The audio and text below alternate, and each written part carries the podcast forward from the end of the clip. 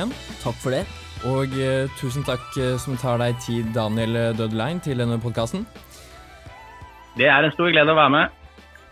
Så vi skal jo snakke om eh, mye, mye, rart i dag, mye spennende. Eh, hvordan har morgenen din vært, eh, først og fremst, Henrik? Har du fått tatt deg tid til balsambad og duftlys og kaffe moka i hånda? Yes, det har jeg. I dag starta jeg dagen riktig. Nå tror jeg vi allerede er på min tredje kaffe, så det kan jo bare gå én vei herfra, rett og slett. Så bra, så bra. Og på den velkjente tråden har vi som nevnt Daniel. og jeg husker, Henrik, for eh, det begynner å bli noen år siden, så var vi på et foredrag med Daniel på, på BI. Mm. Eh, som vi snakka om før vi gikk på lufta her, det er vel kanskje en av de beste foredragene vi har vært på. Yes. Og eh, det jeg husker spesielt godt, var at eh, Daniel var helt rå på å selge is. Jeg tror det var uh, utenfor uh, Tønsberg som uh, unggutt. hvor han kjørte rundt, rundt, i fjorden der og solgte is som ingen andre klarte. Mm. Men utenom det å selge is, Daniel, hvem er egentlig du? ja, god morgen til dere også. Jeg har også fått meg et par kopper, et par kopper kaffe her. Og, og, og, er på G med en god fredag. Eh, I motsetning til enkelte andre så syns jeg at det er fredag som er beste dagen i uka. Ja. Men jeg for å svare på spørsmålet hvem er egentlig, hvem er egentlig jeg? Um, ja, jeg er pappa. Jeg er eh, mann og kjæreste til eh, kona mi. Og jeg er vel kanskje mest kjent for eh, å være seriegründer og bygget opp en haug med forskjellige selskaper som har gjort uh, mye rart. Um, det er vel egentlig veldig kort fortalt hvem jeg er. Jeg er også kanskje kjent for å ha funnet opp mobilbetaling, uh, som de aller fleste av oss i dag kjenner som eller vi, vi bruker tjenester som Vipps. Da. I Sverige heter det Swish, og i, Danmark heter det MobilePay, og i USA heter det enten Venmo eller selv, og i Kina heter det, heter det uh, Alipay eller WeChatPay. Så den type ting, det, det er på en måte den lengste gründerreisen jeg har vært på. Ja, kjært barn, kjært barn, har mange navn. uh, men før vi går mer inn på det, og vi skal definitivt gå mer inn på det, men uh, sånn, Du nevnte at du, du, er kjent for å være gründer og sånt noe. hvilke forbilder og altså, hvilken lærdom har du tatt deg opp gjennom, gjennom tiden altså, før du ble gründer, da, og, og i de helt tidlige årene? Altså Det som inspirerte meg til å, å, bli en gründer, var vel en Jeg tror det er en kombinasjon av to ting. Det ene er det at jeg liker problemer. Eh, jeg syns det er gøy å identifisere problemer. Det har, på en måte vært med meg som et problem gjennom hele livet mitt. Eh, at jeg, har en tendens til å på en måte se på ting uh, med et litt annet blikk og prøve å se Oi, her, her er det kanskje et problem. Og, en, et problem er jo en mulighet altså muligheten til å løse det problemet. Um, så, så, Det er den ene siden av det, at jeg alltid har, hatt en eh, affeksjon for å, å, prøve å finne problemer, og så da skape løsninger for dem. Uh, det andre er at jeg har med meg en, en teknologibakgrunn som begynte lenge før. Altså når folk sier de har teknologibakgrunn, så har de typisk gått på skole og lært seg teknologi. Det har ikke jeg gjort. Jeg har med meg en bakgrunn som um, uh, Jeg ble introdusert til teknologi av min bestefar, faktisk. Han, han, var kjernefysiker eh, og var direktør og drev forskningsreaktoren på Kjeller i en del år. og Senere så jobbet han i Forskningsrådet. Han var en uh, jævla smart fyr, um, og var også veldig streng og bodde i Oslo. Jeg er da født og oppvokst i, i Tønsbergtrakten, bor på Nøtterøy i dag. Og når jeg var liten, så husker jeg det var stas å komme inn til Oslo. ikke sant? Og dra inn der og besøke besteforeldre og være på besøk der. Men, men det var innmari strengt. altså det var liksom Ikke pell på noe, ikke gjør noe. Men når min bestefar, min bestefar kom hjem fra USA, så hadde han med seg en eh, Macintosh 128K. Og så åpna han kontordøren, og så sa han 'gå inn der og lek'. Hvilket år var det? Nei, Det er jo ja, Jeg er seks år gammel, altså si 1980, 1985. 1985-1986. Så uh, da ble jeg introdusert til datamaskinen. Uh, og han sa jeg bare skulle gå inn og leke, som for meg var altså, mind equals blown. Det var um, No way det, det, var, det, var, ganske vilt. Uh, og jeg forelsket meg såpass mye i det økosystemet som var rundt der, da, og fascinasjonen rundt hva man kunne gjøre på denne maskinen. Så jeg maste høl i huet på pappa, som endte opp med å kjøpe en tilsvarende maskin. Mm.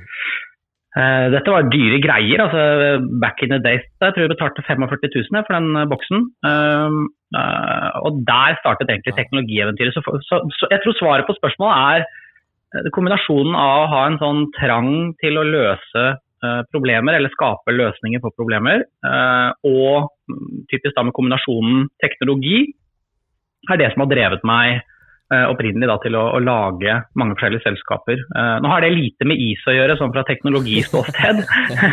men, det var et men, problem på en ferie utenfor Nøtterøy. Det er, man trenger is. Når du ligger på en øy der og ikke har is i hånda, så er det et problem. Men, og, det, og, det, er helt riktig. Du kan si Teknologidelen av det er jo på en måte logistikkutfordringen. Med å få is ut, at noen faktisk kommer dit med en båt osv. Så, videre. så det er vel kanskje et snev av det samme, endog ikke så teknisk. Uh, så der begynte det. Men, men, det første ordentlige selskapet jeg startet, da var jeg 17 år gammel. Uh, pappa måtte eie aksjene mine, for jeg hadde ikke lov til å eie aksjer. Uh, og, eller det var vanskelig for meg da, å, være, å sitte på de aksjene, ettersom jeg ikke var myndig.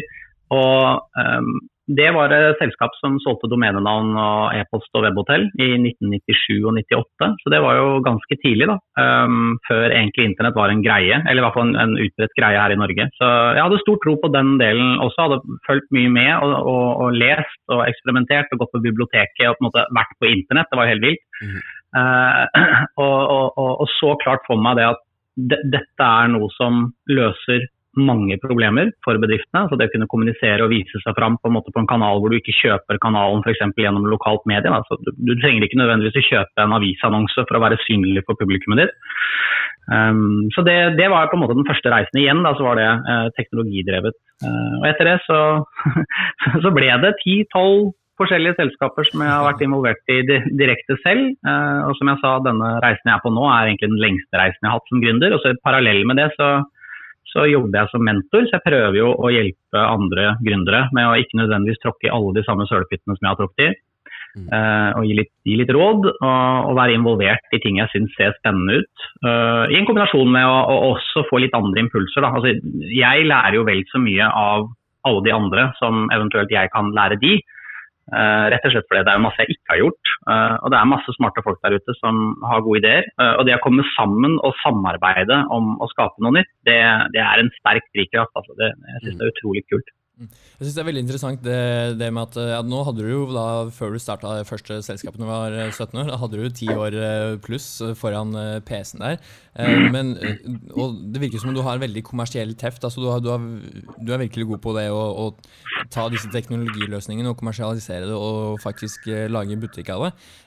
Men så er det veldig interessant å se. Du sa jo selv at du ikke har noe utdanning eh, på noe høyskolenivå innenfor teknologi. Og så uh, lurer jeg på hvordan det var helt i de tidlige årene. Satt du og, og koda og programmerte og samtidig som du var ute og solgte, eller var det one man show? Eller hvordan klarte du å få med deg kloke hoder på, på andre områder?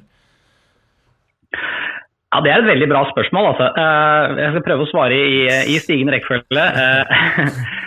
Uh, Eh, ja, jeg lærte teknologitingen selv, eh, men det var veldig mange andre ting jeg måtte lære selv også. Så eh, når jeg startet det første selskapet, så når du ikke har noe utdannelse, så må man jo prøve å feile. Og det er jo det jeg i veldig stor grad har gjort. Så jeg har prøvd og feilet, og jeg har spilt de aller fleste rollene selv. Eh, og etter hvert blitt ydmyk for at eh, det er en del roller jeg ikke er så god på. Eh, og at det er veldig mange andre der ute som er skikkelig gode på både de tingene jeg kan, og de tingene jeg ikke kan. Og det har jeg måttet lære. Jeg kom jo ikke ut på en måte som gründer i det første selskapet mitt som som ferdig utlært og god på å spille ball med andre og samhandle og måtte dra ut nytten av alle. Um, så det, er, det, var også en læringsprosess. Altså. Men jeg har spilt alle rollene, så, så, så, så eksempelet du drar fram er helt riktig. Altså, jeg eh, jeg, jeg koda. Eh, jeg har kodet før, jeg koder ikke nå lenger. Bortsett fra at jeg nå er i gang igjen. For jeg har innsett det at uh, mens andre løser Sudoku for å prøve å holde seg uh, fit, fit, i knollen, så, så har jeg, jeg er det en innmari kul app som heter Mimo, som gjør det mulig for deg å kjapt f.eks. hver morgen da, sette av ti minutter til å øve deg på å programmere igjen. Så mhm. Det har jeg startet å gjøre. Den er gamified og ganske morsom. Så ja, jeg er tilbake inn i det gamet, men, men jeg er altfor dårlig til å programmere sammenlignet med min egen så jeg er ikke tålmodig nok mm. for min egen kunnskap. Så, så heldigvis så har jeg andre veldig flinke folk som, som jobber sammen med meg, som, som koder. Men ja, jeg har kodet, uh, og det var der det startet. Så jeg programmerte en del av de første nettsidene og de forskjellige tjenestene, og, satte opp og administrerte uh, serverne og tjenestene som vi leverte i det første selskapet. Um, men jeg var også selger, uh, så jeg var ute og solgte dette her og snakket med bedriftene. Um, jeg gjorde også support, så jeg måtte hjelpe alle bedriftene når ting ikke gikk som det skulle. Um, jeg måtte jo markedsføre dette, så jeg har jobbet mye med markedsføring og markedsføringsstrategi. og på en måte forsøke. Så, men det har vært veldig mye prøving og feiling. Og så har jeg vært heldig ved at um, engasjementet mitt, da, altså egenskapen til å kunne få andre til å tro på uh, visjonen, det å på en måte tegne fram et bilde om hvordan hvordan jeg tror at framtiden kommer til å være. og Det er veldig mye det det dreier seg om når du bygger et selskap. for Da sier du vi er her nå, og så skal vi, vi skal bort hit. Mm. Uh, hvis du, hvis du, klarer å fortelle en, en, god historie, en troverdig historie, det må gjerne være veldig ambisiøs, men, men, en forholdsvis troverdig historie om hvor man skal, så har i hvert fall jeg vært heldig med å klare å, uh, å om ikke overbevise, så i hvert fall inspirere andre til å være med på reisen. Og Det har kanskje vært en av de absolutt viktigste lærdommene mine som gründer. Uh, er det at du er helt avhengig av andre. Du må dele, og du må motivere andre og gi plass og rom for at andre kan være like mye en del av den reisen som du skaper, som deg selv. Og, og, Der har jeg vært heldig, antagelig fordi jeg har vært god på, vært god på å, kalle det predikere, da, hvor, hvor, hvordan ting kommer til å se ut i framtiden. Så hvis, hvis, du ser på noen av de tingene jeg har gjort, altså, gjorde internett veldig tidlig. Uh, og jeg skal ikke si jeg fikk rett, men det, virkeligheten ble sånn at, at, internett ble en viktig ting. Da, og, og, for alle de bedriftene som vi solgte til osv., så, så var det ikke sånn at internett var en ting som gikk over. Det ble bare mer og mer. Uh, tilsvarende så bygget jeg et selskap som holdt på med mobiltjenester. Det økte veldig. Uh, laget uh, et selskap som la oss kalle det et reklamebyrå, men som i virkeligheten jobbet da med teknisk reklame og, moderne digitalisert reklame i internettkanaler. Uh, I dag vil du kalle, kanskje kalle det et sånn performance, online performance marketing-byrå. Veldig tidlig. Det var jo ikke akkurat noe som gikk over. ikke sant? Og I dag så er reklamering på nett mer eller mindre automatisert mellom datamaskiner som krangler om hvem som kan by høyest for den kunden som er interessert i å kjøpe akkurat der og da. Det har jo ikke gått over og har på en måte økt. Um, jeg fant opp mobilbetaling. Det er jo ikke akkurat sånn at det har blitt noe altså I dag så bruker vel over 80% av Norges befolkning bruker VIPS. Mm. Så, så det, det, ble en greie, det også. Så jeg har, jeg har, vært, Og jeg har gjort ting som ikke har vært noen kjempesuksess også. Altså, så jeg har sett alle sidene av det. Men, men jeg tror felles, fellesnevneren for disse historiene er at jeg har vært flink på å predikere hvordan uh, verden uh, angivelig skulle komme til å se ut i framtiden. Uh, jeg har tegnet opp et bilde om hvordan vi skal komme oss dit og få en posisjon i den framtiden. Og så har jeg klart å egge med meg andre, typisk da mye smartere mennesker enn meg selv, som kan ting jeg ikke kan. og På den måten så bygger du et team, og da kan man få til helt fantastiske ting sammen. Mm. Og For å gå litt en måte tilbake til eh, egenskaper, Daniel. Du nevnte jo den evnen til å få med seg folk. Det er kanskje en av de viktigste, vil jeg, vil jeg tro, da, egenskapene for å kalle, bygge så suksessrike selskaper. Men hva slags andre styrker vil du si at du har i et team, og som har gjort at du Du nevner litt ikke sant, det klarer å forutse hvordan kanskje fremtiden kommer til å skje. da eller kommer til å bli, men er det noen andre ting du, du, mener som har gjort at du har kommet dit du er i dag, og kanskje også jeg vet ikke, kanskje også svakheter som du har merket tidlig i karrieren, da, som du har jobbet veldig mye med gjennom de siste årene? Ja, det er, det er flere av de. Det er, dette blir jo sånn sjelegransking, det å sitte og se på hva man ikke er så god på. Eh, um, det, er vel, og det i seg selv er vel kanskje en av de, kall det modnings prosessen jeg har vært igjennom som gründer. Og det, det, håper jeg også gjelder for ledere generelt. At når man er så heldig at man får lov til å lede andre, altså at man på en måte kan inspirere andre og trekke andre med seg inn i et team, um, det følger også med et, et ansvar uh, når man gjør det. Uh, og Det ansvaret dreier seg om å gi andre plass, og høre på andre, lytte til andre. Gi folk uh, altså vi, vi, Internt hos oss da, så kaller vi det freedom and responsibility heter det, uh, eller flexibility and responsibility. Som, som, hos oss betyr det at uh, vi, vi, har ikke, vi, har lite managers. altså vi har, vi har, ikke noen folk som på en måte sitter over andre og passer på at andre gjør jobben sin. vi har ikke noe krav om at du møter opp på jobb til et gitt tidspunkt. du kan jobbe fra hvor du vil. En, dette er bare noen få eksempler på at du må klare å skape en, en en, en tilhørighet, da, et, et, engasjement hos de du jobber sammen med, som gjør at du ikke trenger å sitte og monitorere de på om de leverer. At det på en måte er en implisitt selvfølge i at de er med i teamet. Mm. Uh, og, og, det har vært viktig for meg uh, å, å, å, bli bedre på uh, over tid. fordi som gründer så like, altså det, er jo, det, er jo, min idé, det er jo min visjon. det er min reise, på en måte. Det er, det er, det er der du starter som gründer. Mm. Men, men du, du, kommer sjelden til mål da, uh, hvis du gjør dette helt på egen kjøl. Ja. Uh, så, så det, det, å, det å, å, gi plass til andre, og la andre få lov til å ta uh, uttømmende ansvar Eh, og på en måte ikke gå inn og kontrollere det, det, det, har vært veldig viktig for min reise. Og har vært på en måte en av de tingene hvor jeg åpenbart har utviklet meg veldig som kaller både gründer og leder. Da. Altså det å gi plass til andre. Eh, jeg, jeg, har gjort det til en ting som er viktig for meg, et fokusområde. Mm. Uh, og der ser jeg at der har jeg endret meg. Derfra. Altså, for å tegne et bilde, da, hvis du, hvis du starter som gründer med måte, din idé og din visjon, så, så har du et enormt eierskap til den. Uh, og Da kan man også være veldig overkjørende, for man kan gå inn i et rom sant, og si nei, dette er feil, her tenker dere helt feil, det er, hit, det er sånn, gjør dette. Um, og Noen ganger så kan det være veldig riktig å gjøre, men hvis man gjør det hele tiden, så blir det litt sånn at man på en måte jobber på fabrikk hvis man jobber under. ikke sant? Altså Noen kom inn og sa her er manualen, du skal flytte den erten fra det transportbåndet opp i den kurven. Mm. Og så blir det veldig, veldig mekanisk. Uh, og Det er ofte lite inspirerende for folk. og Hvis folk kommer på jobb og på en måte har full kontroll på hva de skal gjøre, og det er diktert av noen andre, og det på en måte er null rom for, for eksperimentering og for, for å, å, prøve selv og for å på en måte finne en smartere vei eller for å påvirke strategi, um, så er jo det noe av grunnen til at veldig mange som jeg jobber sammen med i dag, sluttet i den jobben de jobbet i før, mm. kall det gjerne corporate, altså i det vanlige arbeidslivet, mm.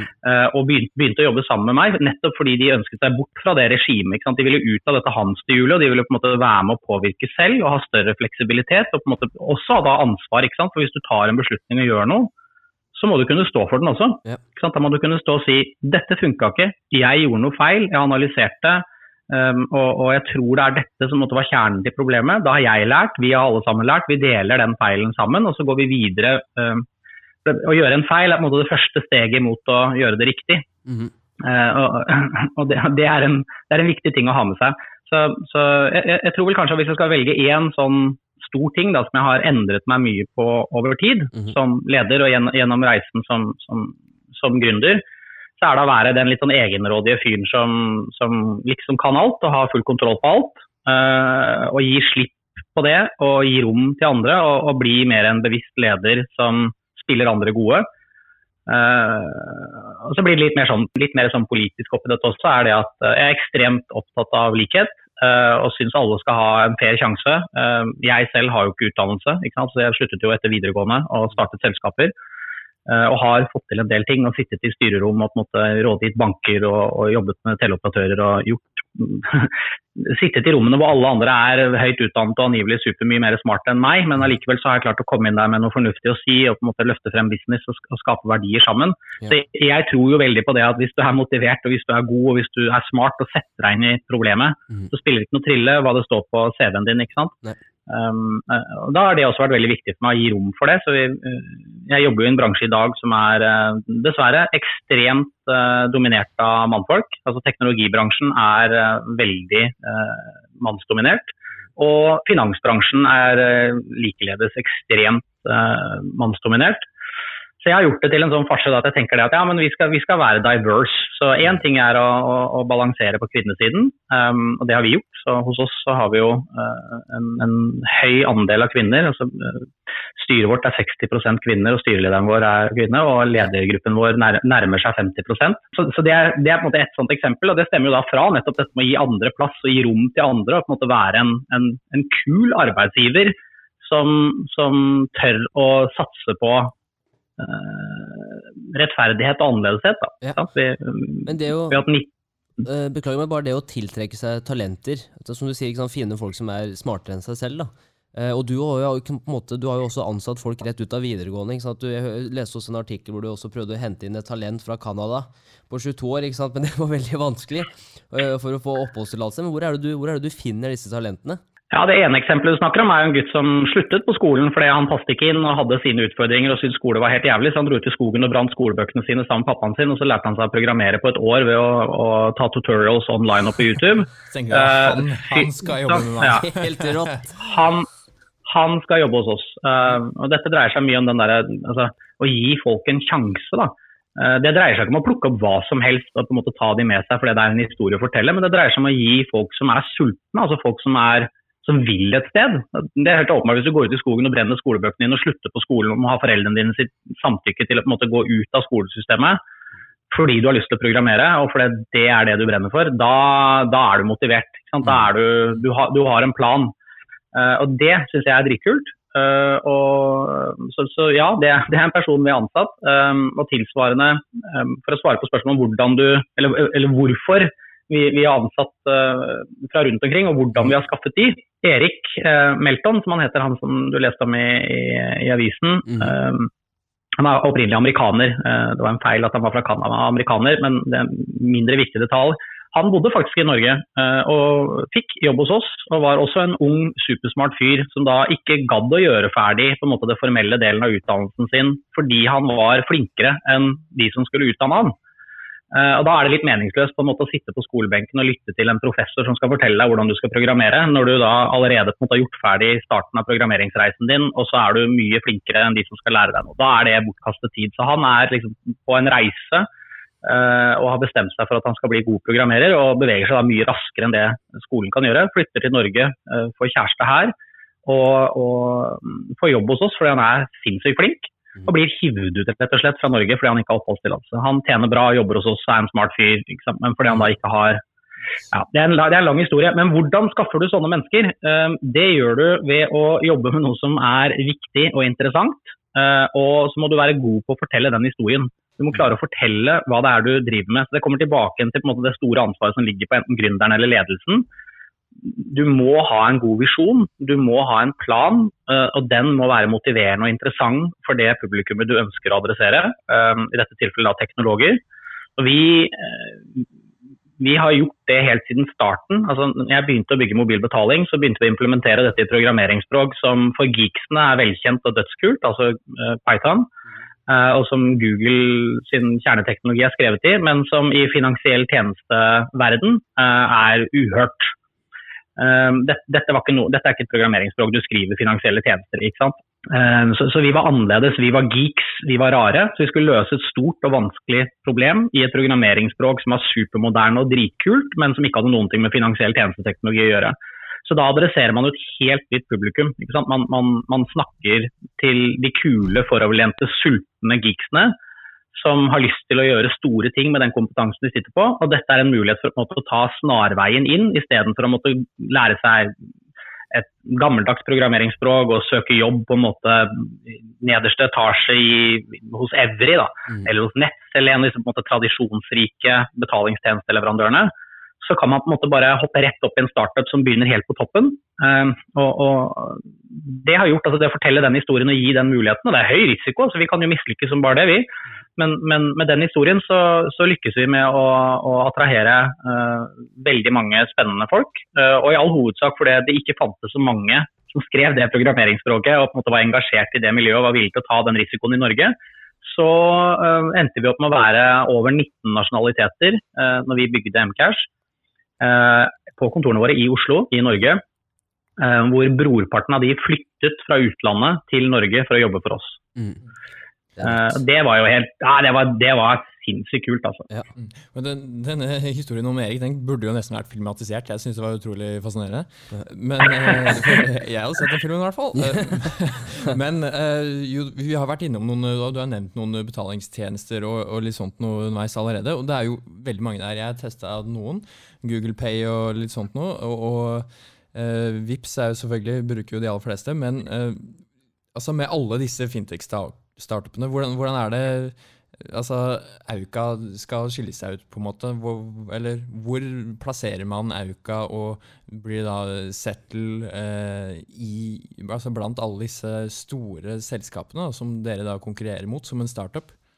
Bra spørsmål. Um, først kan jeg fortelle at Auka har byttet navn. Vi heter Settle Group. så det Morselskapet i vår mobilbetalingsreise heter Settle Group. Og det produktet vi lager, den tjenesten vi leverer, heter Settle. Og for oss som er i Norge, så kan man jo si at Settel og Vips de ligner litt på hverandre. Eh, så for å på en måte gjøre det familiært og lett å forstå, så kan man si at Settel er en, en Vips-app på steroider som gjør noen flere ting enn det Vips gjør, og vi gjør det internasjonalt. Så vi forsøker å bygge et betalingsnettverk som dekker hele Europa. Og sånn som, du, sånn som, du, kjenner tjenestene her i Norge, og i og for seg også i Sverige og i Danmark, så ser man jo det at uh, man, man, klarer jo ikke helt å se for seg hvordan verden var uten dette. I dag så bruker dere sikkert dette her par-tre par, ganger i uka, mm. og sender og mottar penger i samtid. Og etter hvert så vil man også betale i, i butikksituasjoner med denne type mobilbetalingstjeneste. Og Det er den framtiden som vi ser for oss vil også gjelde i resten av Europa, i og for seg i hele verden. Vi ser for oss at uh, folk vil bruke mobiltelefonen sin til å sende og motta penger uh, øyeblikkelig. Uh, vi ser for oss at folk vil bruke mobiltelefonen for å komme i kontakt med og kjøpe fra bedrifter. og Det er denne komme i kontakt med som vi syns er veldig spennende og litt viktig. fordi jeg syns jo, og en del av visjonen vår er jo å, å hjelpe folk til å lage nye bedrifter og tjenester vi tror det at det å levere en betalingstjeneste uh, som er smart og enkel, og som gir en bedrift adgang til å nå flere kunder, at det er en bra ting. At det er en katalysator for at vi får flere bedrifter, flere butikker, flere tjenesteytere. Og at det ikke bare er de måte, store som skal vinne. For det er en tendens i, i måte, både globaliseringen vi ser og urbaniseringen vi ser, at uh, Eh, at det er shoppingsentrene som vinner. Da, på en måte. At alt blir veldig stort og alt blir uh, Det blir noen store merkevarer. Mens hvis vi ønsker oss kvalitet, hvis vi ønsker oss at du kan snu deg rundt og lage en kul bedrift, at bestemoren din kan selge sokkene som hun er så glad i å strikke, for det er en kvalitativ håndverksting, for å mm. lage noen helt konkrete eksempler, så, så, så må vi gjøre disse verktøyene lett tilgjengelig for alle. Og Det er Eh, det vi tror på. Så, så vi, vi, har, vi, har, på en måte en, en visjon, og visjonen, visjonen, vi jobber etter er å digitalisere og demokratisere tilgangen til penger. Det gjør vi ved å gjøre tjenesten tilgjengelig elektronisk for alle som har smarttelefoner, for smarttelefonene er i ferd med å bli uh, allemannseie overalt i hele verden. Og så vi, uh, er vi på en måte på en reise under denne visjonen hvor, vi kobler, altså vi skaper verdifulle koblinger mellom personer og bedrifter. Uh, og Det er den reisen vi er på. Uh, og Det vi ser, da er jo at uh, litt sånn som med VIPS i Norge, for å gjøre det litt familiært for oss, så har jo ikke VIPS på en måte knekt koden i butikk de er ikke inne i butikken ordentlig. Nå kommer det nyheter om at de jobber med dette og at de skal i gang med butikkbetaling, men eh, for de aller fleste av oss i Norge i dag, så betaler vi typisk da med det vanlige kortet som vi alltid har betalt med, i butikken. Mm. Um, så der er det et skille, der er det på en måte et område man ikke har vunnet enda uh, med mobilbetaling sånn som vi kjenner det, altså en app-betaling. Men rundt omkring i Europa så mener vi at der er det et mye større potensial for å, å, å komme inn i Eh, betalingsflyten hos bedrifter. Eh, og her, her, ligger det en ganske spennende mulighet.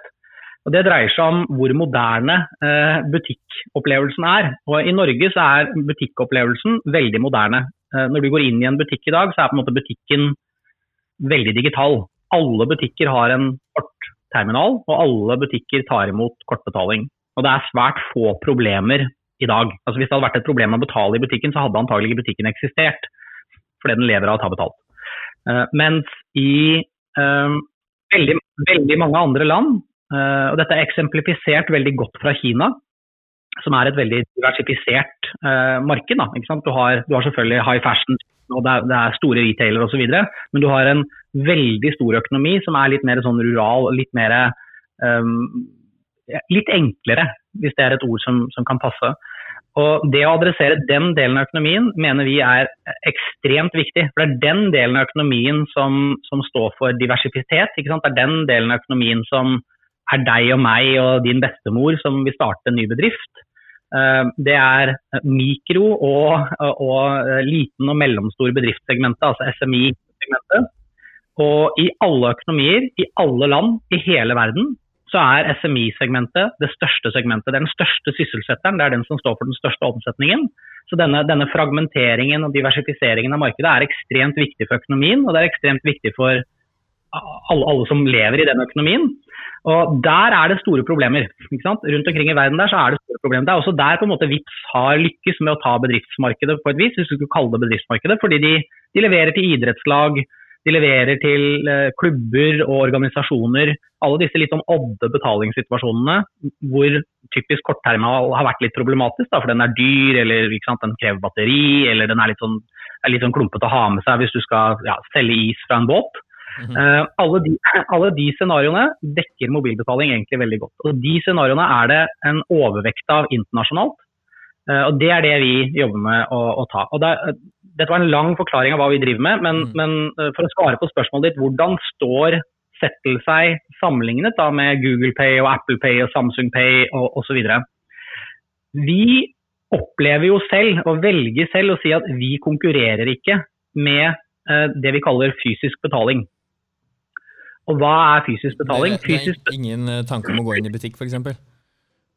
Vi har lyst til å gå inn i butikk, men det er ikke konkurransefortrinnet vårt. Det er ikke vår differensieringsfaktor. Så hvis, du du bygger, hvis, du bygger, en pyramide, da, og så tenker du det at eh, hva er grunnmuren din, og hva er liksom første etasje og, og hele veien opp til etasje 50? Um, ehm, hvor selvfølgelig grunnmuren din er det viktigste, og etasje 50 er på en måte uh, jordbæret på toppen. Det gjør det til å se fint ut, men det er ikke veldig viktig for at du lykkes. Du må bygge en grunnmur og første, andre, tredje etasje først. Så hva er vår grunnmur? Eh, vår grunnmur er jo å levere eh, en enklere betalingshverdag for alle de menneskene der ute som ikke har en type Vipps, Swish, MobilePay-type eh, tjeneste i dag. Og stort sett hele Europa er enda uberørt. Så det er fremdeles mulig å gi den samme opplevelsen som vi har hver eneste dag, og som vi tar for gitt her hjemme hos oss, til stort sett alle europeere der ute. Så det er vår første etasje. Og så når vi skal inn i dette segmentet for bedriftsbetalinger, så er etasje nummer to. Det bildet jeg akkurat tegnet for dere, hvor det er masse bedrifter, små, mikro og små bedrifter, som har problemer med å ta betalt, eller som kan selge mer ved å ta digital betalt. Men de er ikke interessert i å kjøpe en betalingsterminal. De har kanskje ikke penger til å kjøpe en betalingsterminal. Eller de, de jobber på et, et, et, marked hvor de selger kanskje én gang i uka, én gang i måneden. Så det er ikke lønnsomt for dem å, å bruke på en måte, tradisjonelle betalingsinstrumenter. Og kundene deres har smarttelefoner, men mange av kundene foretrekker å ikke betale med kort, eller har ikke kort. Det er her i disse situasjonene på en måte vår, vår grunnmur blir bygget, ved å løse problemer, hverdagsproblemer for disse kundene. Det har ingenting med butikkbetaling å gjøre. Mm. Det, det, det, er, det, er, bare to helt forskjellige use cases. Det har ingenting med hverandre å gjøre. Mm, så dere får med, får med mye større del av befolkningen, rett og slett? Jeg adresserer, adresserer andre situasjoner da, enn mm. en de man typisk sammenlignes med som konkurrenter. Sånn som Apple Pay og Google Pay er maskinvare, altså hardware-baserte betalinger. Mm. Hva mener jeg med det? Jo, det, det, er fysisk betaling. Du må ha en dings, om det er kortet ditt eller telefonen din.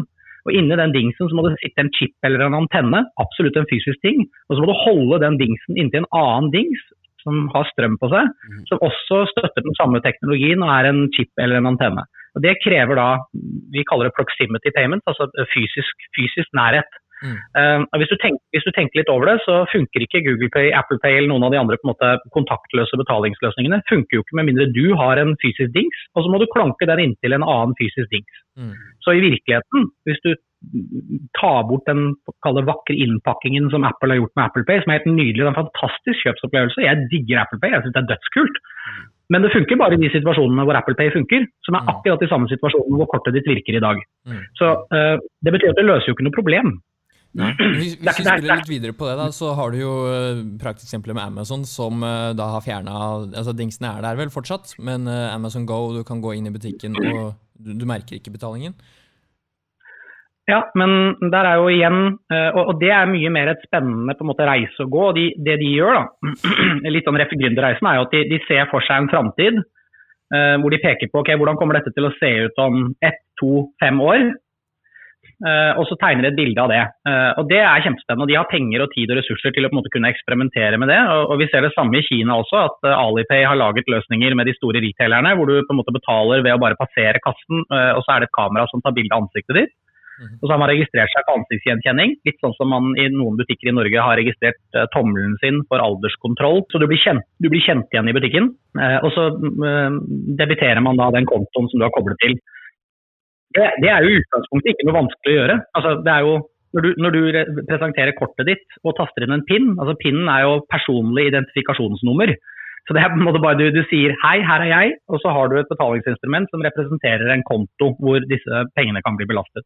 I et butikkmiljø, i et butikkmiljø så er på en måte all teknologien tilgjengelig. altså Butikken er jo online, den har internett, den har et digitalt kasseapparat, den har en betalingsterminal, den har noen overvåkingskameraer, den har vekt og den har, den har, alt mulig rart som skal til for å kunne bygge disse tingene. Og alt det er kjempekult.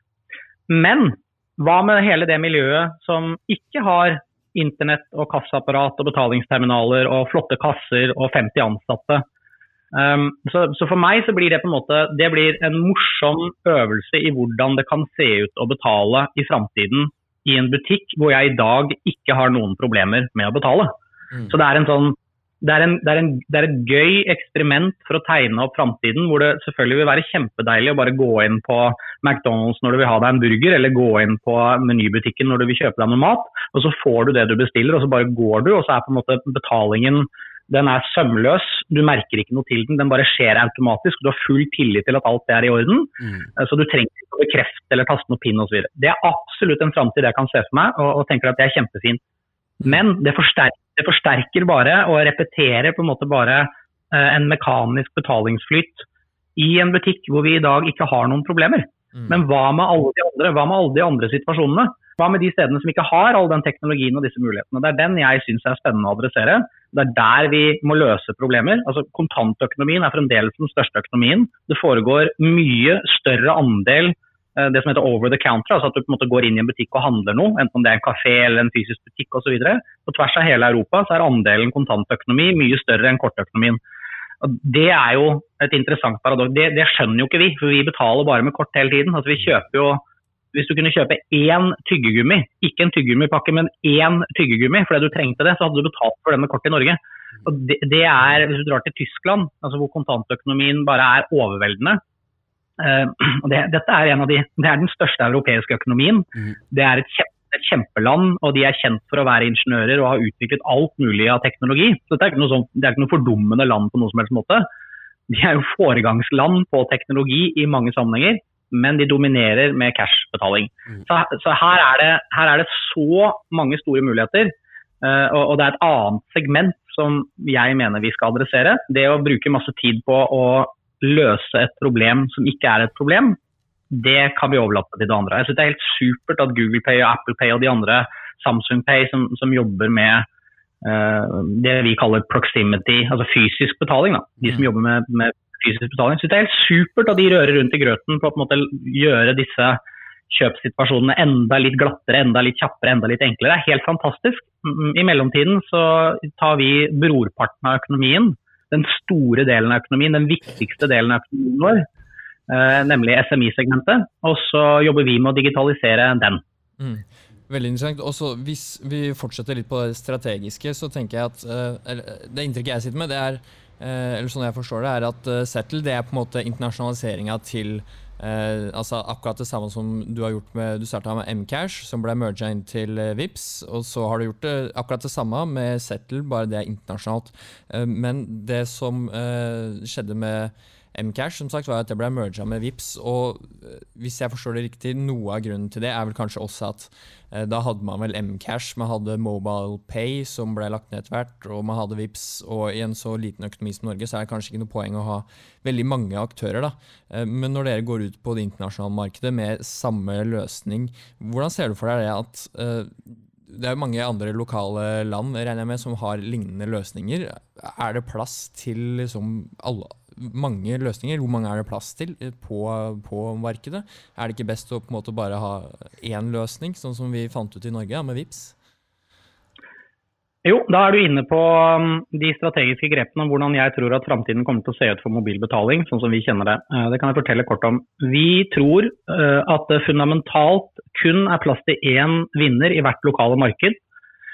Og Det betyr at det antagelig vil være flere som jobber i de forskjellige aktuelle markedene fram til én vinner blir kåret. Det var akkurat det samme vi så i Norge, hvor du hadde Mcash var alene først i halvannet år, og så kom Vips inn i markedet samtidig som MobilePay kom inn i markedet. Så konkurrerte man, og så bestemte noen seg for å være litt smarte og si det at nei, mm, det å bruke såpass mye penger på å prøve å vinne eh, et Eh, et marked på ca. 5 millioner. Det er kanskje litt kostbart å gjøre det på den måten, så la oss gjøre noen andre disponeringer og lage det vi kan kalle en samarbeidsmodell, altså hvor konkurrenter går sammen. hvor bankene som konkurrerer om å levere tjenester til deg og meg, går sammen om å, om å lage kall det én løsning. Vi kan godt kalle det en standard.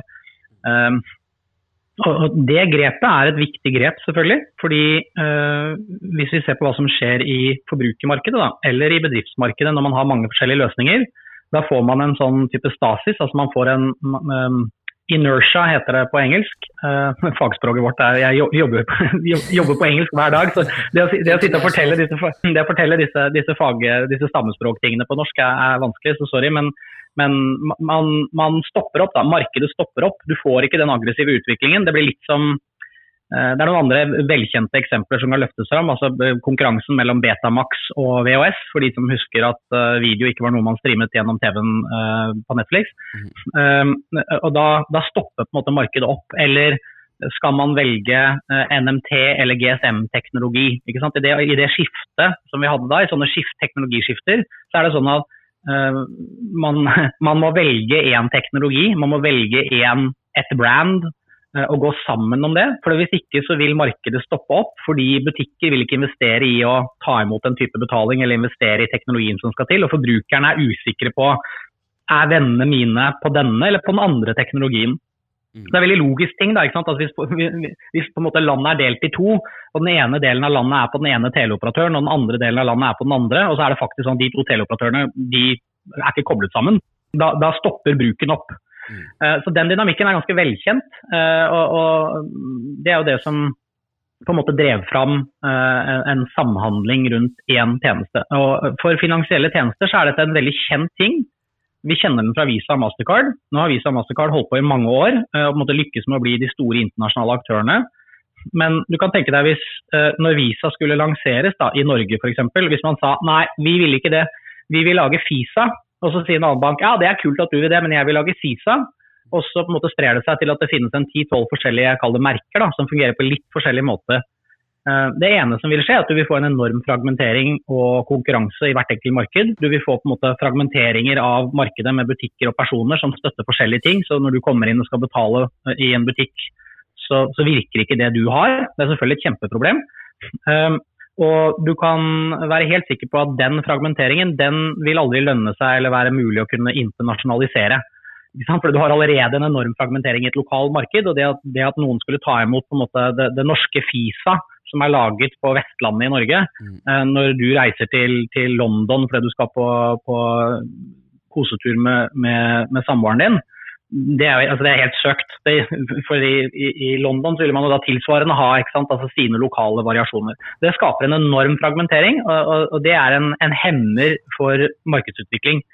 Så eh, det Visa gjorde, var at de sa nei, vi lager noen regler. Vi lager eh, ett scheme, én løsning, ett merkevare. Vi server det på en måte fra toppen, og, og vi gjør det helt likt for alle. Eh, og så forsøker vi å forklare for de lokale bankene at hvis du utsteder disse kortene til dine kunder, og hvis du lar bedriftene dine ta imot denne type betaling, så vil det skape et økosystem. Hvor selv om du konkurrerer med den andre banken som også gjør det samme som deg, nemlig utsteder kort til kundene sine med Visa-logoen på, så, så vil det faktisk være en fordel. fordi da vil konkurrenten din sine kunder de vil kunne betale i butikkene som du server med Visa-akseptanse, og dine kunder vil kunne gå med sine Visa-kort og betale i butikkene som er servet av konkurrenten din. Så Da får man på en måte en sånn firkant hvor alle sammen spiller sammen, på tross av at man er konkurrenter. Og Den dynamikken er ekstremt viktig, og den, den har man på en måte bevist at uh, fungerer med Visa, Mastercard og andre merkevarer fungerer veldig godt for å skape store, veletablerte nettverk uh, som gir interoperabilitet på tvers av landegrenser. Uh, og Det er dette vi jobber med uh, hos oss. Det er dette vi forsøker å skape med Settle. Hvor vi har laget da et sett med regler uh, og en, en, en, type teknisk setup hvor du har ett merkevare, ett scheme, likeverdige kommersielle vilkår. slik at man kan tilby lokalt eierskap når vi setter det opp i nye land. Og lokal samhandling mellom konkurrenter, som vi mener er helt avgjørende for at man skal kunne lykkes. Mm. Så, så, så det her er ja, akkurat Når du snakker om eh, det der, hvordan dere jobber i utlandet så eh, meg, Gjennom eh, denne podkasten har vi snakka med eh, flere personer om internasjonalisering og hvordan vi jobber i Norge kontra utlandet. og Det vi ser veldig ofte da, eller hører veldig ofte, er at i Norge så er man veldig gode på å lage produkter som funker veldig bra, men vi er dårlige på å gå ut i markedet og selge det. Eh, og, og, så lurer jeg på hvordan er det dere har jobba der da i, i, utlandet og gått ut og solgt det? For det er ettersom vi har fått inntrykk av, det er vi dårlige på når vi kommer fra Norge. Ja, jeg vet ikke om jeg skal si at vi er dårlige på det. For det, vi, vi, har jo en hel rekke selskaper fra lille Norge som har gjort det bra internasjonalt. vi, det, det, som er synd, da, som ofte skjer, at når man, når man, har gode selskaper og bra folk som lykkes med å gjøre noe sånt, så blir jo disse selskapene snappet opp uh, av internasjonale investorer uh, veldig raskt. Um, og Det kan vi snakke veldig lenge om, dette med måte, hvordan det finansielle miljøet i Norge må tenke annerledes og tørre å være med og tenke stort og finansiere altså helt fra gründerskapet hele veien opp gjennom oppskalering, kommersialisering, internasjonalisering osv. Uh, fordi når vi ikke har tilgang på den økonomien og det, det tankesettet i Norge, så blir vi ja, det, vi, vi, havner i en situasjon hvor det er utrolig lett da, for uh, gründere og norske selskap som lykkes, å bli solgt og internasjonalisert på en helt annen måte, og som da ikke skaper langsiktig verdiøkning her hjemme. Um, altså, opera har blitt kinesisk. ikke sant? Altså, jeg bruker et eksempel fra, fra, Sverige. Volvo på en måte forsvinner ut av, av svenskenes hender. Mm. Um, Tandberg, som var på en måte foregangsteknologiaktør ut fra Norge, eh, ble amerikansk. Altså, det, det, det, finnes et hav av disse historiene. Uh, men, men, så Det kan vi snakke lenge om. Men hvis vi ser helt konkret på dette med hvordan vi internasjonaliserer og jobber internasjonalt, så der har vi også prøvd og feilet. Altså, vi har jo jeg har jobbet med mobilbetaling i over ti år. Jeg startet reisen i 2006 med en idé og formaliserte selskapet i 2010. Eh, nå leser vi eh, slutten av 2020, så mm, det er jo noen år på baken. Og vi har jobbet siden altså vår driftsavtale med de norske bankene etter fusjonen som ble gjennomført, hvor, hvor Mcash ble i, i, eller Mcash og Vipps ble fusjonert sammen så ble mm, vår involvering i det og driftsansvar og tjenesteutvikling sluttet i september 2017. Så når vi gikk inn i 2018, så startet på en måte reisen vår med å finne ut av hvordan kan vi eh, kommersialisere eh, teknologien og kompetansen vi sitter på med mobilbetaling fra Norden. Hvordan kan vi snu det rundt og på en måte trekke det internasjonalt. Det var ikke noe lett reise, det. altså. Um, så, vi har da brukt hele 2018 og 2019 Eh, eller 2018 og halve 2019 på å finne ut av hva som er riktig måte å gjøre det på. Og mm. jeg, jeg, tror ikke det finnes en sånn one size fits all som kan være min anbefaling, men, men jeg kan jo fortelle hva vi gjorde. Vi tok den kompetansen og kunnskapen vi har fra, fra Norden, hvor vi, hvor vi, liker å tro da, at vi har vært instrumentelle i utviklingen av dette markedet, og hvor vi, hvor vi, ser hvorfor bankene har gjort det de har gjort, og hvordan det har utviklet seg, hvilke ting som har virket og hvilke ting som ikke har virket. Alt fra hvilke produkter skal du lansere, hvorfor skal du lansere de, i hvilken rekkefølge og på hva slags måte skal du kommunisere. og hvilke, hvilke parter i verdikjeden må du på en måte ha med deg, og hvordan kan du få med de, og hva er på en måte deres, deres oppsider og, og, nedsider. Eh, så Vi har jo et, et forholdsvis komplekst kart da, av, av, partnere uh, og strukturer som vi må ta hensyn til. Og dette har vi tatt med oss eh, internasjonalt. Og så har vi møtt nesten 300 banker gjennom halvannet år. Eh, rett og slett klemt oss inn i styrerommet ved å være på konferanser og, og, og, og, skrive mye og jobbe mye med PR på, å gjøre oss synlige. Ehm, så Auka som merkevare før vi nå byttet til Settle var kjent av eh, over 30% av C-level-lederne eh, gjennom markedsundersøkelser vi hadde gjort. Ehm, som en aktør da, innenfor, dette, innenfor, dette, feltet. Det er ganske høy merkevaregjenkjenning for en teknologileverandør. Så vi, vi, dro rett og slett og investerte i det du kan kalle market research. Så vi reiste rundt og, og, og møtte uh, de forskjellige bankene og fortalte vår historie og intervjuet de. Hva tenker dere? Hva, hva kan dere? Hva, har dere hørt om mobilbetaling? Har dere sett disse appene? Vet dere hva som skjer i Kina? Vet dere hva som skjer i Norden? Vet dere hva som skjer i USA? Uh, med, med, endring i regulering med PSD2, er dette en trussel? Er det en oppside? Uh, skal dere angripe dette alene, sammen? Hva tenker dere? Og Så samlet vi alle disse dataene for å bygge en strategi hos oss for hvordan vi kan kapitalisere på det vi sitter på, eh, og hvordan vi skal kunne levere det. Vi, vi var innom mange modeller, altså selge teknologien vår type white label, selge den som en SAS-løsning hvor vi drifter den, eller selge den som en kopi av en måte, softwaren vår hvor den andre parten bare betaler.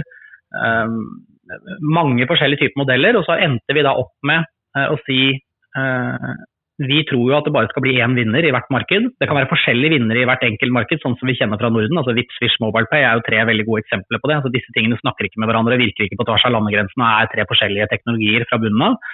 uh, men er veldig nære hverandre både i kultur og, og måte, adopsjon i populasjonen. Så Norge, Sverige og Danmark ligner ganske mye på hverandre. Men allikevel så har vi liksom ikke klart å, å velge én. Så det, det, er helt åpenbart at det blir bare være én vinner til slutt i hvert enkelt marked, men det kan være forskjellige vinnere. Um, så Problemet vårt er hvis vi skal selge teknologi, um, så hvordan, skal vi, hvordan skal vi klare å plukke den vinneren? Og hvordan skal vi være så heldige at vi får lov til å selge til den som vinner? Mm. Uh, da innså vi det at for å lykkes da, så tror vi at du må ha den kompetansen uh, som vi kjenner til. Du må på en måte ha spilt ut historien en gang før, hvis ikke så må du ha veldig mye flaks. Og Det betyr jo at når noen skal kjøpe vår teknologi for å, for å bli vinneren i sitt marked, så, så, så må vi også hjelpe dem med, med, å ta de rette avgjørelsene. og Da blir vi konsulenter. Og Vi har ikke lyst til å være konsulenter. Vi er, eh, vi, vi er, gründere og, og, og ønsker å på en måte vinne i markedet. Så, så, vi måtte velge en annen modell. Derfor lagde vi Settle, som er tilsvarende historien jeg fortalte om Visa i stad. Altså, det er et veldig strukturert scheme. Det er, det, er, eh, det er, regler og prosedyrer og markedsføring og go to market og hvilke produkter som kan lanseres når, hvor og hvordan til hvem, er veldig strukturert. Og det blir litt sånn franchise, litt sånn McDonald's-aktig. Mm. Um, og Vi tror at det er den eneste modellen hvor du kan, hvor du kan vinne stort over tid uh, i mange internasjonale markeder. Så vårt mål er å vinne så mange internasjonale markeder som mulig. Uh, og, og, og, håndtere landene hver for seg, men også koble disse landene sammen. Og gi litt av den kalde visa-effekten. da, ikke sant? Altså, uh, du, du, får denne tjenesten lokalt av din bank, av din teleoperatør, av ditt medieselskap, av et kjent merkevare du stoler på. Litt sånn som vi har opplevd med, med at VIPS ble introdusert ikke sant, og ble allemannseie. Mm. Men så er, det, så er, det, vår drøm da, at akkurat den dynamikken den skjer i nabolandet også. Uh, litt sånn som Norge, Sverige, Danmark. Og når Norge, Sverige, Danmark på en måte har uh, tatt i bruk, da, for å bruke disse tre landene bare som morsomme eksempler, når disse tre landene har tatt i bruk denne tjenesten så mye som det vi har gjort her hjemme, så er de også koblet sammen. Sånn at Norge, Sverige, Danmark, som er de morsomme eksempellandene mine her, uh, vil også da alle sammen faktisk ha brukt Setgay. Som gjør det at når du har lyst til å sende penger til noen i Sverige eller i Danmark, så funker det sømløst. Og mm. alt sammen ser likt ut og heter det samme og virker på samme måte. Det er vår, det er vår drøm. Det er utrolig interessant å, å følge med også. Jeg, jeg, ser jo bare, Veldig mye handler jo bare om tilgjengelighet, og bare at det er så enkelt. Og, og det er som du sier, da, sømløst også. Og når du faktisk skal gjøre en betaling, og vi ser bare når vi Hva for min erfaring når jeg bruker VIPS også, at du har, jo, du har jo alt på ett sted. Og det er jo også litt av den som jeg tror kan være veldig relevant å følge, da, hvordan det endrer seg, og hvordan, som du sier, hvordan er det bankene kommer til å ta ta, imøtekomme de kravene fra forbrukerne også. Um, men eh, med tanke på tid her, for vi vet jo at du må inn i et nytt møte og sette deg i bilen snart, uh, så tenkte vi bare å, å, gå litt på det personlige plan. For at uh, selskapene du har starta er ut, utrolig, interessant, uh, utrolig interessante, men så er jo også du personen som har starta de. Og jeg finner jo personer, mennesker, veldig interessante. Så det jeg ønsker å spørre litt her nå, er jo først og fremst, ikke sant um, på en måte, Hva er det som får deg opp om morgenen? For du, du snakker jo litt om å løse problemer, ikke sant? helt siden du begynte å selge is eh, i tidlig alder. Eh, men i dag, hva er, som, hva er, det som, får deg opp om morgenen? og på en måte, ja, Hva er det som motiverer deg i dag? Bra spørsmål. Um, hva som motiverer meg, har nok endret seg over tid, vil jeg si. Det kan sikkert handle litt om å bli eldre, reflektere litt over hvor man er og, og hva man har fått til. Um, det som driver meg i dag, er denne lysten på å løse noe for andre. Altså, den effekten som jeg hadde da i min vennekrets når uh, vi passerte noen hundre tusen brukere av Mcash, da vi lanserte mobilbetaling som første selskap i Norge, og på en måte skapte den VIPS-følelsen som, som, hele Norge har i dag. Mm den, den, Oi, dette var enkelt, det kan jeg jo bruke hele tiden. Her kan jeg måtte, sende til venner, og jeg kan sende ukepenger. og jeg kan, Den effekten der, å se det at du kan komme inn i folks liv og virkelig løse noe for dem, mm. uh, den er avhengighetsskapende. Det er en ekstremt sterk motivator, og det dreier seg i veldig liten grad om måte, penger eller på en måte offentlig anerkjennelse. Det dreier seg om den følelsen du får inni deg når noen tar i bruk noe du har skapt, noe du har tegnet, noe du har tenkt, og så funker det mm. like bra eller bedre enn det du trodde. Ja. Den, den, greia der, den er uslåelig. Det finnes ikke noe dop i verden, eller noe på en måte, bok i verden. eller noe, Det er ingen, det er ingen på en måte, ekstern ting som kan, som kan, som kan skape Glem kaffen. det, det, Glem balsambadet på morgenen, duftlys og alt sammen. Ja, det, det, er ikke det er ikke noe duftlys eller noe eteriske oljer som, som beat that shit. Altså. Men, men jeg, jeg, jeg, tror, jeg, tror, vel det at uh, for meg så er det det som er den store drivkraften. Ja. Uh, og den kan, også, den kan, også, ofte oppleves litt sånn naiv, da. ikke sant? For det, du må tro på den drømmen at det du skaper virkelig kan endre folks hverdag og liv på en stor skala. Og det er, det er, det er en veldig lang reise dit. Uh, og, og, sjansen for at du på en måte lykkes og får til det, er ofte ganske liten. Ja. Men, eh, men, sånn litt sånn, hvis vi går eh, For det, er også veldig interessant. Så jeg og Odin nå, vi er jo 25 år. Og eh, på en måte Odin har jo startet sitt eget selskap, og jeg har også fått lov til å være med ganske tidlig inn i et eh, vekstselskap som heter Ardoc, teknologiselskap, eh, helt fra begynnelsen, som har vært veldig spennende. Og, men det vi syns er veldig interessant, er jo å spørre vi vil jo si det er vellykkede personer som har gjort store ting, men som også har verdien i behold. De har fortsatt verdigheten i behold, og de er utrolig gode forbilder. og Vi definerer jo deg som også et veldig godt forbilde, men hva slags, hva slags råd og tips ville du gitt til 25-åringer i dag som enten ja, som kanskje har tatt en master eller tatt en lengre utdanning og jobber i et av de større selskapene, eller som eh, kanskje sånn som oss da, starta for seg selv eller jobber for et vekstselskap. måte hvilke råd, både personlig og profesjonelt, ville du ha gitt til de, basert på hva du har lært eh, etter sju år i, i bransjen? Først, uh, tusen takk for veldig hyggelige ord. Det, mm. det var overveldende. Um, hvilke råd ville jeg gitt? Um, for det første så er det uh, gå og start en ny bedrift. Uh, det, det, er det første rådet. Altså, slutt på skolen, slutt i jobben din. Ta litt risiko. putt deg selv litt utenfor komfortsonen det er, det, er, altså det er, starten på den beste reisen i livet ditt. Uh, og selv om den beste reisen i livet ditt da for deg kan oppleves som ekstremt tøff og veldig hard, og kanskje ikke bli det du trodde det skulle bli, så er jeg ganske sikker på så lenge du ikke gjør helt idiotiske ting, sånn som å belåne huset ditt uh, og på en måte, altså litt sånn spille, spille, bort mer penger enn det du har råd til å tape, uh, det, bør, det, bør, du ikke gjøre. Men, men selv om den reisen kanskje blir ikke sånn som du hadde regnet med, så kommer du til å se tilbake igjen på den senere. Når du kommer over på en måte uh, Om du ikke lykkes så mye som det du hadde trodd, så kommer du til å se tilbake på det som kanskje er en av de beste tidene i livet ditt, og, og gir deg enormt erfaring. Det er litt sånn som alle de på en måte, fæle tingene vi går gjennom som mennesker gjennom livet vårt. Det former oss og, og, og er, blir på en måte en del av deg, altså på godt og vondt etterpå. Det syns jeg er veldig viktig. Så det første rådet mitt vil være gå, slutt på skolen, uh, slutt hos corporate gå ut og prøve å skape en bedrift, for det er den beste skolen som finnes. Og så Hvis du på en måte legger det til side, da tenker du at ja, ok, nå, nå, har man gjort dette, man er der, hva er på en måte de beste rådene da? Um, jeg skulle ønske at når jeg startet på min reise, at jeg hadde med meg selvfølgelig kompetansen og erfaringen jeg har nå, um, når jeg har blitt litt eldre og har vært gjennom gått gjennom denne gründerskogen ganske mange ganger. og det, det er et par sånne helt elementære ting. Uh, det første er kompetanse. Eh, da snakker jeg ikke om å gå og ta en utdannelse, men det å virkelig sette seg inn i det området som du ønsker å innovere innenfor. Altså å, jeg brukte fire år på å lese meg på betaling. Jeg kunne ingenting om betaling når jeg startet min reise. Jeg hadde aldri vært i nærheten av én, skape teknologien, strukturen og kunne skru sammen en forretningsmodell som, som var holdbar til, til, å skape det skiftet da, som vi har sett nå, mm. hvis ikke jeg satte meg dypt inn i det fagområdet som jeg er interessert i. Det, det kan du ikke gjøre på skolen. Altså du må, du må, inn i purra, du må på en måte ut i den virkelige verden. Så det å tilegne seg kompetanse, det mener jeg er ekstremt viktig. Uh, og det trenger du ikke å gjøre alene, som kommer til måte, råd nummer to. Og det er jo samarbeidet. Uh, jeg skulle ønske at jeg var flinkere til det helt i starten av min gründerreise. Uh, og jeg har lært det den måte, kostbare veien.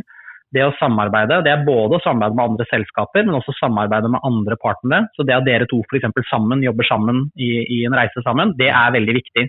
Uh, for du får så sjukt mye igjen for å på en måte dele. Så den grådigheten som ligger i nei, det er mitt, jeg skal kontrollere det, jeg skal eie det, jeg skal ha mest, mm. det, det, er faktisk en, en, en, et hinder på veien som du må komme deg over.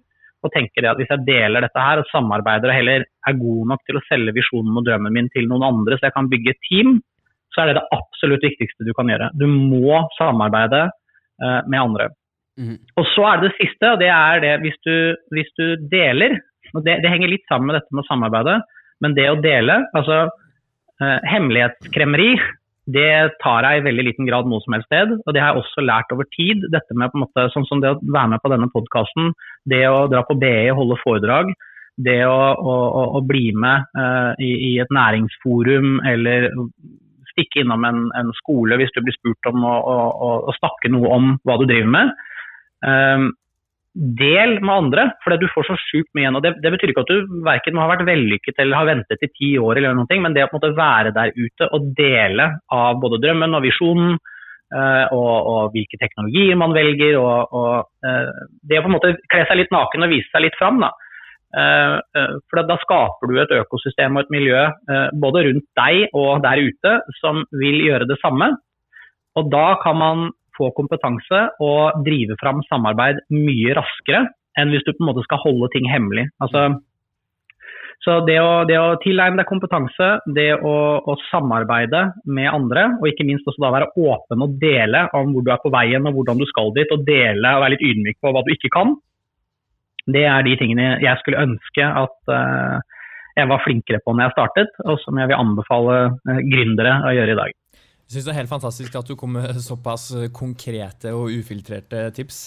Eh, og eh, så har vi skrevet en siste ting her, eh, veldig kort. Har du, Daniel, en, en, kort fun fact om deg selv som ingen andre visste?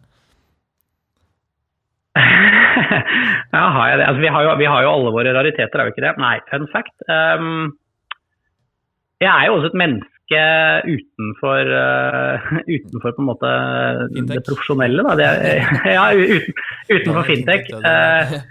Uh, ja, fun, fun, fact. Jeg hadde da jeg var liten Nei, nei. når, jeg, var liten, så hadde jeg utover det å holde på med teknologi og, og, og på en måte bli, bli da Daniel Fintech Dødlein, uh, så, så, den ene drømmen som måtte alltid gikk igjen gjennom mitt liv, da, det var uh, fascinasjonen fra fly. Eller om å fly. Uh, og jeg har jo fløyet masse i forbindelse med jobb. Uh, ironisk nok, så, så, nå er det ikke så mye av det uh, pga. pandemien, men jeg har fløyet veldig mye og reist enormt mye i forbindelse med jobb. Og ironisk nok så er min hobby, som jeg da til slutt nå for et par år tilbake realiserte, så realiserte jeg guttedrømmen. Så jeg er pilot. Mm. Eh, og flyr, eh, flyr fly eh, som hobby. Ja, det, er derfor du bor i Tønsberg nå, ved Jarlsberg flyplass. Du bare flyr til møter, du. Ja, vet du, det, det, det, har jeg faktisk gjort. Jeg har fløyet, fløyet til møter, men det er ikke så mye ja, Jeg har ikke gjort så mye av det, fordi fremdeles er utefly såpass rimelig. Men, men Eh, I, I, sommer f.eks., hvor, hvor det var begrensninger på reise osv., så, videre, så realiserte jeg en av drømmene. Eh, så en, en litt sånn fun fact. Altså, eh, jeg har jo ikke reist veldig mye i Norge, må jeg innrømme. Altså, jeg har vært på Svalbard og sett Svalbard, men nord for Trondheim har jeg egentlig ikke sett noe særlig av Norge. Og det er jo stor skam ikke sant? Når man bor i Norge og har et så fantastisk land. Så istedenfor å skamme meg over det, så gjorde jeg noe med det. Så i sommer så tok jeg med meg to gode kompiser, og så fløy vi, eh, eller fløy jeg med de som passasjerer, eh, Norge eh, fra syd til nord.